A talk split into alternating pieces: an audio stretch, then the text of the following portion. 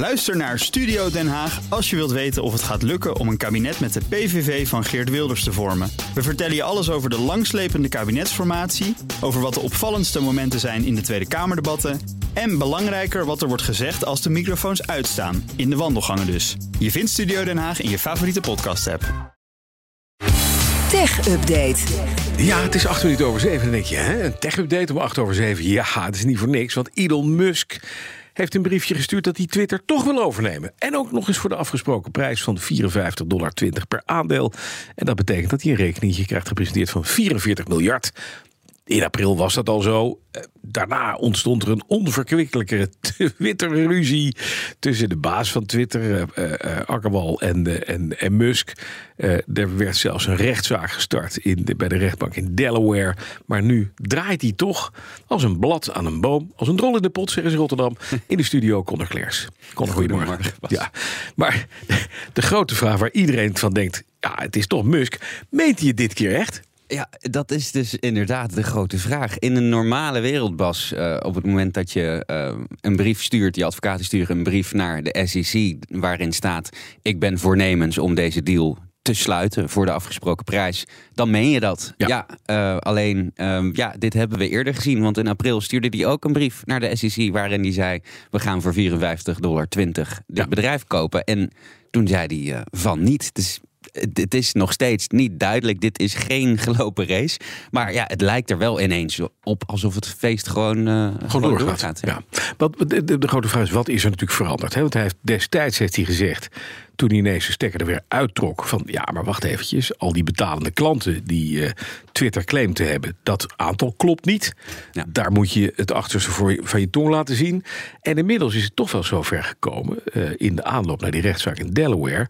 Dat Twitter blijkt een hele stevige handkaart in handen te hebben. En Musk niet. Hè? Is dat misschien de reden ook dat hij heeft gedacht: nou dan maar eieren voor het geld. Anders moet hij boete betalen van een miljard. Daar, daar lijkt het wel op. Kijk, die, die, die, die boeteclausule was altijd een beetje raar in deze, omdat het om zo ontzettend veel geld gaat. 44 miljard dollar versus die 1 miljard dollar. Uh, ja, je, zou kunnen beredeneren dat op het moment dat Musk uh, weg zou lopen en die boete zou krijgen, dat uh, Twitter misschien wel tientallen miljarden minder waard is geworden. Mede dankzij het handelen van Musk. Dus dat zelfs al zou hij die boete betalen, dat Twitter dan eigenlijk gewoon met, ja, met name de aandeelhouders, waar Delaware heel strikt naar kijkt en naar het belang van de partij die overgenomen wordt, ja.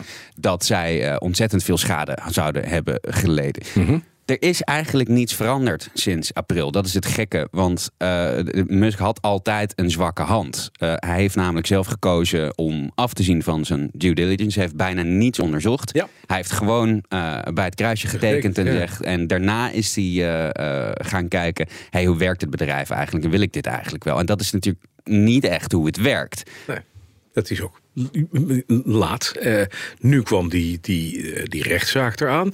Is die hiermee van de baan?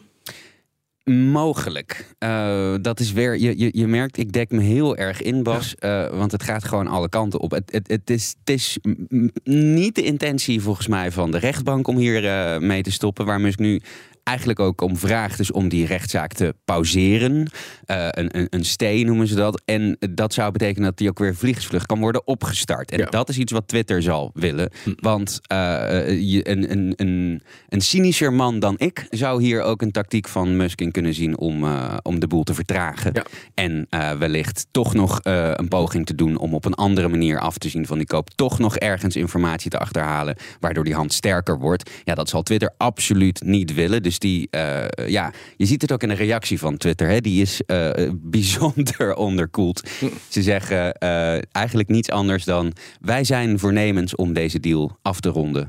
voor 54,20 dollar per aandeel. En dat is precies hetzelfde wat ze sinds april al zeggen. Dat ja. is het enige officiële commentaar van. Twitter. En dat blijft ook zo. Nu ja. is het ook zo dat de reactie op de beurs vond ik significant. Eerst werd de handel in het aandeel toen het uitkwam stilgelegd. Dat kan ik me voorstellen, want dan demp je even de, de ergste pieken uit. Ja, Daarna... zeker ook omdat het de onbevestigde berichten waren. Exact. Ja, nou, dat werd uiteindelijk dan bevestigd. Eh 20% pakte het aandeel erbij. Maar het sloot gisteren toch nog weer onder die biedkoers van 54,20.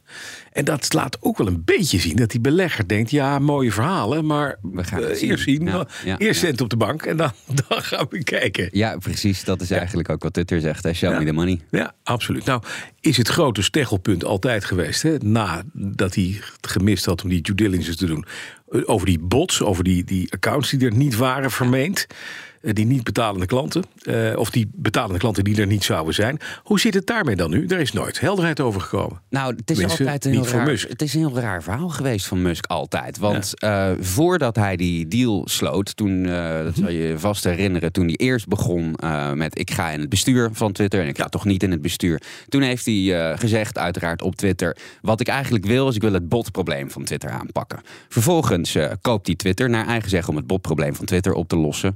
En eh, wil hij dan afzien van die koop omdat er te veel bots op Twitter zijn. Ja, dat, dat is al niet heel erg logisch.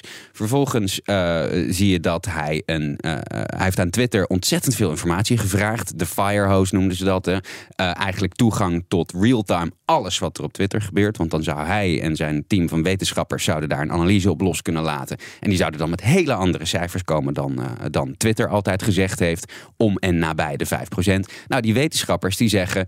Misschien is het 5,3%, misschien is het 11%. Maar het is niet 80, het is niet 30. Nee, nee, precies.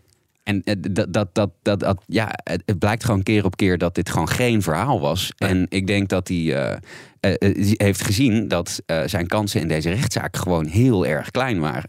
En daarbuiten, ehm, voor die rechtszaak gebeurt er natuurlijk ook het een en ander. Hè. Die startdatum was 17 oktober, maar dat proces loopt natuurlijk al. En zijn deposition kwam eraan. Twitter zou hem eh, gaan verhoren om, eh, ja, weet je, dan heb je een kruisverhoor. Hè. Dan gaan ze zoveel mogelijk informatie uit elkaar trekken voordat die procedure begint. Ja, dat was waarschijnlijk geen goed nieuws geweest voor Musk. Nee. We zagen al, eh, er zijn ontzettend veel sms'jes bijvoorbeeld uitgelekt tussen hem en eh, Jack Dorsey, de oprichter, tussen hem en Parag Agrawal, de eh, huidige CEO, tussen hem en allerlei mensen van Joe Rogan tot eh, grote investeerders. En het stond er gewoon allemaal niet zo fraai op. Nee. Je zag ook mensen in Silicon Valley en ver daarbuiten die reageerden op, op, op al die sms'jes. Is dit hoe dit werkt?